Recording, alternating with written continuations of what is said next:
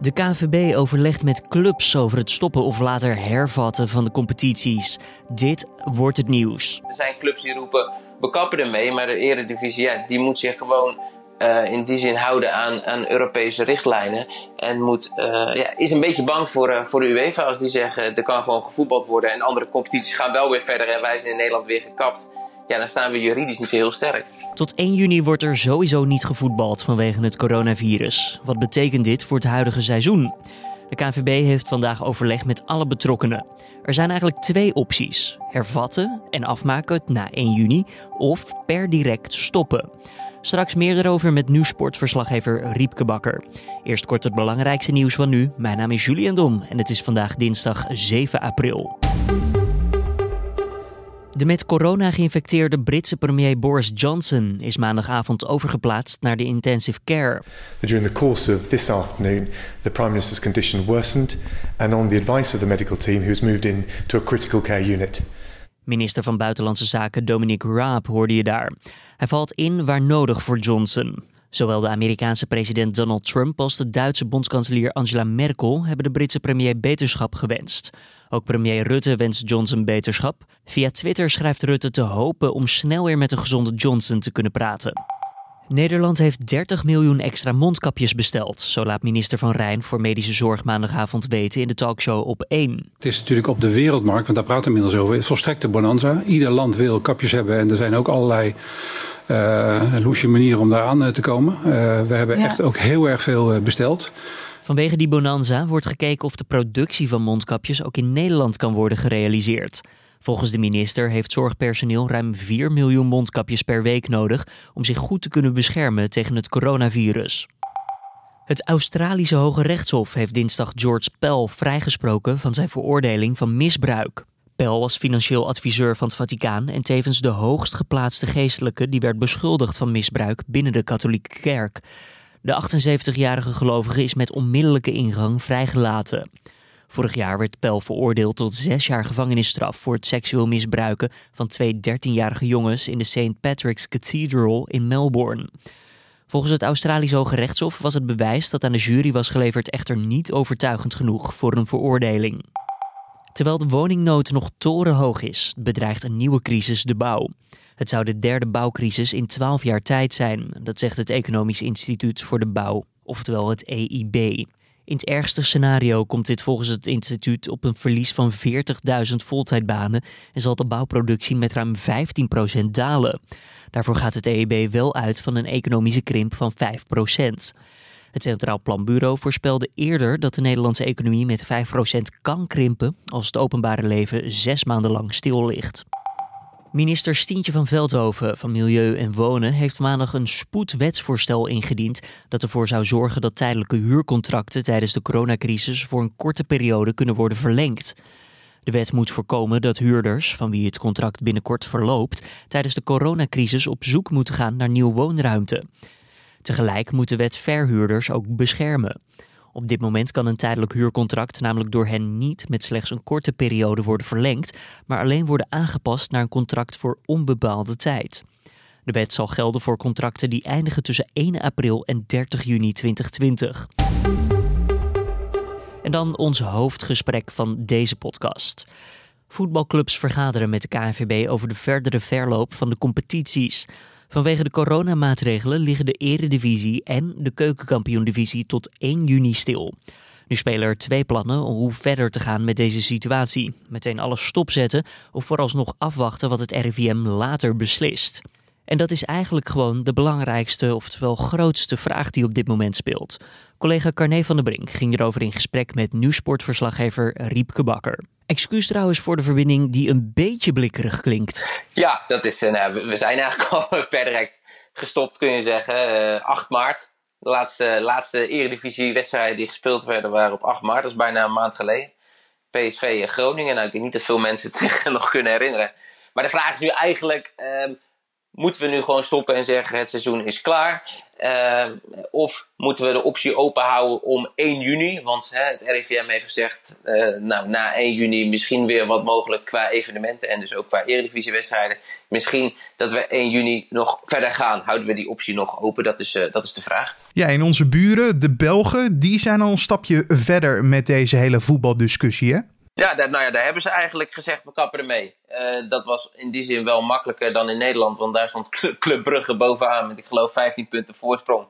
Dus dan was het ook wat makkelijker te accepteren voor de andere clubs om te zeggen, Club Brugge is kampioen. Um, uh, ja, en daarmee zeggen ze eigenlijk de competitie is voorbij. Dat heeft nog wel een addertje onder het gras, zit nog wel een addertje onder het gras, want inmiddels heeft de UEFA gezegd, ho, ho, ho, ho, wij zijn de grote baas. Er mogen helemaal geen competities worden gestopt. Jullie moeten gewoon de optie om na 1 juni verder te gaan openhouden. Want de intentie is gewoon om na 1 juni weer te beginnen. En als je daar niet aan houdt, dan kunnen jouw clubs wel eens ja, uitgesloten worden van Europees voetbal. Dus het is niet, in die zin niet heel handig uh, van de Belgen dat ze dit gedaan hebben, uh, juridisch gezien. En daar is de Eredivisie nu ook een beetje bang voor eigenlijk. Hè. Er zijn clubs die roepen we kappen ermee. Maar de Eredivisie, ja, die moet zich gewoon uh, in die zin houden aan, aan Europese richtlijnen. En moet, uh, ja, is een beetje bang voor, uh, voor de UEFA als die zeggen er kan gewoon gevoetbald worden. En andere competities gaan wel weer verder en wij zijn in Nederland weer gekapt. Ja, dan staan we juridisch niet zo heel sterk. Nou, want de UEFA, de grote bond boven het voetbal, die verantwoordelijk is voor de Champions League en Europa League, die zegt inderdaad van jongens, als jullie dat inderdaad doen, dan krijgen jullie geen ticket meer voor deze grote toernoois? Ja, ja, je kan het een soort chantage noemen eigenlijk. Uh, inderdaad, dan, dan gaat het ten koste van, uh, dan speelt Ajax volgend jaar bijvoorbeeld niet in de Champions League. Tot zulke sancties um, kunnen ze overgaan. Dus ja, wat de KNVB wil is dat het gewoon eensgezind is. En we zitten in een tijd van crisis, we zitten in een tijd, uh, nou ja, een hele bijzondere tijd die we allemaal nog nooit hebben meegemaakt. En wat je dus eigenlijk ziet in de Nederlandse samenleving redelijk wat eensgezindheid. Iedereen houdt zich keurig aan de anderhalve meter regels. Wij zitten geloof ik ook een kilometer of vijftig uh, bij elkaar gedaan in plaats van samen in de, in, de, in de studio. Alleen in de eredivisie, in het Nederlandse voetbalwereld, ja, daar is verre van eensgezindheid. De clubs ja, die rollen bollen eigenlijk uh, over straat. De een zegt we kappen ermee, de ander zegt we gaan door. En uh, ja, uh, er is nu een videoconference met de KVB en die moet een beetje duidelijkheid gaan scheppen. Die moet zorgen dat het allemaal weer een beetje op één lijn komt. Ja, want in Nederland was Ajax-directeur Mark Overmars de eerste die opriep tot het stoppen van de eredivisie. Hij zei tegen de Telegraaf, waarom gaat het op dit moment over geld en niet over de volksgezondheid? Waarom denk jij dat hij met deze duidelijke taal kwam? Ja, daar zijn heel veel complottheorieën uh, over. Um, ja, het zou een soort statement kunnen zijn uh, van Ajax. Ajax is niet zo blij bijvoorbeeld met bepaalde televisiecontracten en wil zo een beetje zijn kont tegen de krip gooien, extra druk uitoefenen. Uh, je kan ook zeggen, nou ja, Mark Overmars, uh, Ajax wil een soort voorbeeld stellen en zeggen deze competitie moet je niet meer doen. Um, het heeft in ieder geval een beetje kwaad bloed gezet bij andere clubs ook. Want die zeggen, ja, luister, we luisteren met heel Nederland naar het RIVM. Hè, wat mag er wel, wat mag er niet. En ja, stel zij zeggen in juni de bal mag weer voorzichtig gaan rollen. Waarom niet? Eh, waarom zouden we dat niet doen? Je kan ook zeggen, ja, Ajax zegt dat omdat ze op dit moment bovenaan staan. Nou, is lekker makkelijk, want dan mogen zij straks direct de Champions League in. Zijn zij ja, misschien wel op papier kampioen, dus zijn zij voor. Valt ook te zeggen voor de clubs die op dit moment onderaan staat. Hè? Wat denk jij dat bijvoorbeeld een Pek Zwolle zegt, die, eh, die, die, die dreigt te degraderen? Of een Fortuna Sittard, die zeggen, ja, laten we maar met die competitie kappen. Dan kan je natuurlijk heel makkelijk zeggen, ja, dat is makkelijk zeggen, want dan degraderen zij niet. Dus ja, het lijkt ook wel de grens tussen algemeen belang en eigen belang die is een beetje vaag in dit geval. Ja, dus een paar clubs denken dat sommige clubs uit eigen belang alleen maar praten. Nou ja, eh, dat zeggen ze uiteraard niet. Uh, maar daar lijkt het uh, ja, af en toe wel een beetje op. In ieder geval, ze, ze handelen niet heel verstandig, want iedereen roept, doet het maar wat. Terwijl ja, die conference, die, die, die videoconference met de KVB, die was al gepland. Dus ze hadden beter dat kunnen afwachten. Eerst met elkaar om de tafel. Wat is nou precies ons standpunt en hoe stralen wij nou net als de rest van Nederland een beetje eensgezindheid uit? Ja, niet van het alles. Iedereen is maar wat. Ga roeptoeteren, we kappen ermee, we gaan door, we zien het wel. Ja, iedereen uh, zegt maar wat. Ja, want die andere topclubs, een AZ, een PSV en een Feyenoord, uh, zeggen die inderdaad, wij wachten nog tot het RIVM een beslissing neemt en dan pas gaan we, zoals jij zegt, heel mooi uh, roeptoeteren? Nee, uh, Ajax, uh, op dit moment AZ en, of AZ en PSV hebben zich achter Ajax geschaard. Zoals nog wel een aantal clubs die zeggen, we, moeten er gewoon mee stoppen. Uh, Feyenoord, Die zegt, ja, het is misschien populair om te roepen zoals Ajax, de kappen ermee. Want dat geeft een beetje, daarmee kweek je goodwill bij de, bij de, bij de mensen. Want ja, het gaat om belangrijkere mensen. Dat is een verschrikkelijke ziekte op dit moment. Maar ja, dat is alleen maar goed voor je eigen PR, zeggen ze bij Feyenoord. Hè. Dat is eigenlijk Ajax, ze noemen Ajax dan wel niet, maar die club handelt alleen maar een beetje om te roepen wat het volk wil horen in deze verwarrende tijden. En juist dat moet je niet doen in deze verwarrende tijden, moet je juist eensgezindheid uitstralen. Dus er ligt wel wat gehakketak tussen, tussen Ajax en Feyenoord. Ook Sparta haalde weer uit naar Ajax. Ja, oftewel, het is één grote chaos op dit moment. En morgen mogen ze, of het is het uh, dinsdag, mogen ze allemaal uh, uh, tot een akkoord zien te komen. En dan heb je nog het aspect dat voetbal entertainment is. En dat heel veel partijen hier flink wat geld aan verdienen. Zo heb je Fox Sports, die voor abonnees de wedstrijden uitzendt. Hoe, hoe zullen zij naar dit alles kijken? Nou, voor Fox Sports is natuurlijk het fijnste zou zijn als die bal zo snel mogelijk weer gaat rollen. Want je hebt natuurlijk abonnees die abonnementen uh, opzeggen. Um, nou, op dit moment mag je niet in kroegen kijken. Um, tenminste, ja, de horeca zit dicht. Nou ja, Fox pakt vrij veel geld doordat kroegeigenaren veel geld betalen om in uh, hun kroeg Fox te mogen uitzenden. Uh, dus ja, die lopen nu gewoon een hele hoop geld mis. Ja, en zo is het eigenlijk wereldwijd. Hè. De, de, het voetbal is de grootste entertainmentindustrie ter wereld. In de Bundesliga zijn ze deze week bijvoorbeeld een aantal clubs zelfs alweer voorzichtig gaan trainen. Want daar willen ze die competitie zo snel mogelijk hervatten. Waarom? Omdat er anders gewoon clubs failliet gaan. Ze lopen 700 miljoen dan in Duitsland aan televisiecontractgelden lopen ze mis. Dus ja, in Nederland is dat niet anders. Financieel gezien, als je puur kijkt naar, uh, nou ja, de, naar de, alles wat er om dat voetbal heen zit, het grote geld. Daarom wil de UEFA ook dat die competitie wordt uitgespeeld. Ja, dan zeggen we, de bal moet zo snel mogelijk weer gaan rollen. Want dat is nodig om weer zoveel mogelijk geld te gaan verdienen. Ja, en de KNVB heeft al gezegd, voor de clubs die echt in zwaar weer terechtkomen, springen wij bij, hè? Ja, er, is een, er is een, een noodfonds uh, vanuit de KNVB om clubs in ieder geval voor te zorgen in Nederland dat er geen uh, clubs gaan omvallen. Want ja, je moet je voorstellen, uh, de spelers die staan gewoon onder contract. Die moeten gewoon doorbetaald worden. Die krijgen gewoon een salaris.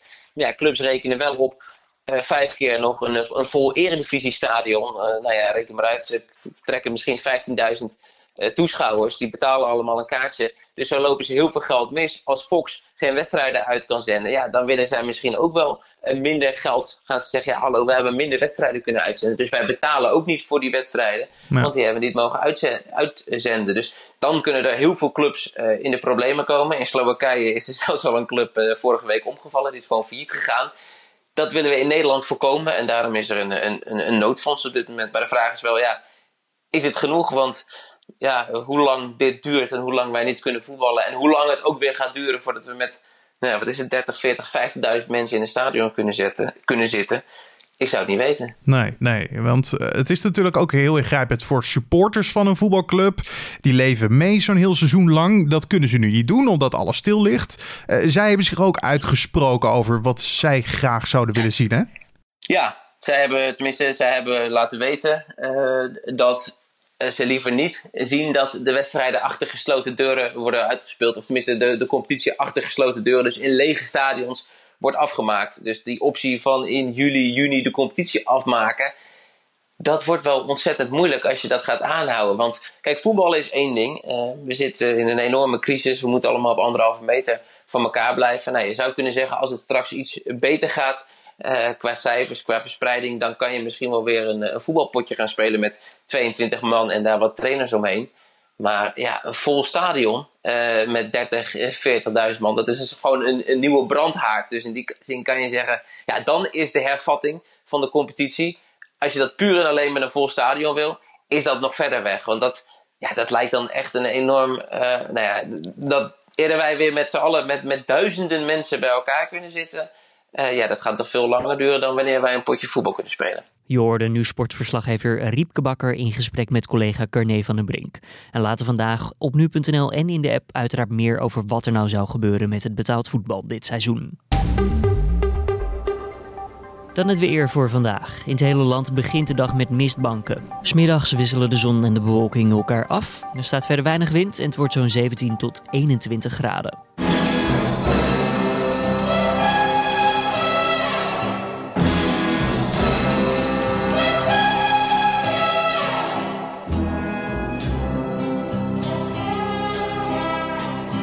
Wereldberoemd nummer, gezongen door Shirley Bassey, Goldfinger. Goldfinger! In die film speelde Anna Blackman de rol van Pussy Galore. Maandag werd bekend dat Anner op 94-jarige leeftijd is overleden. In een verklaring laat haar familie weten dat Blackman op vredige wijze een natuurlijke dood is gestorven. You're quite a girl, Pussy. I'm strictly the outdoor type. I'd like to think you're uh, not in all of this uh, caper. Skip it. I'm not interested. Let's go. What would it take for you to see things my way? A lot more than you've got. How do you know? I don't want to know. Daar hoorde je eventjes een stukje uit Goldfinger met tegenover haar Sean Connery als James Bond. From Mr. Goldfinger. Dit was dan de Dit wordt het nieuws ochtendpodcast van deze dinsdag 7 april. Tips of feedback zijn welkom. Dat kan je naar ons toemailen via het e-mailadres podcastapenstaartje.nu.nl. Vanmiddag is mijn collega Carne van der Brinken weer om je bij te praten over wat er verder deze dinsdag allemaal gebeurd is. Ik spreek je morgenochtend weer. Mijn naam is Julian Dom en tot dan.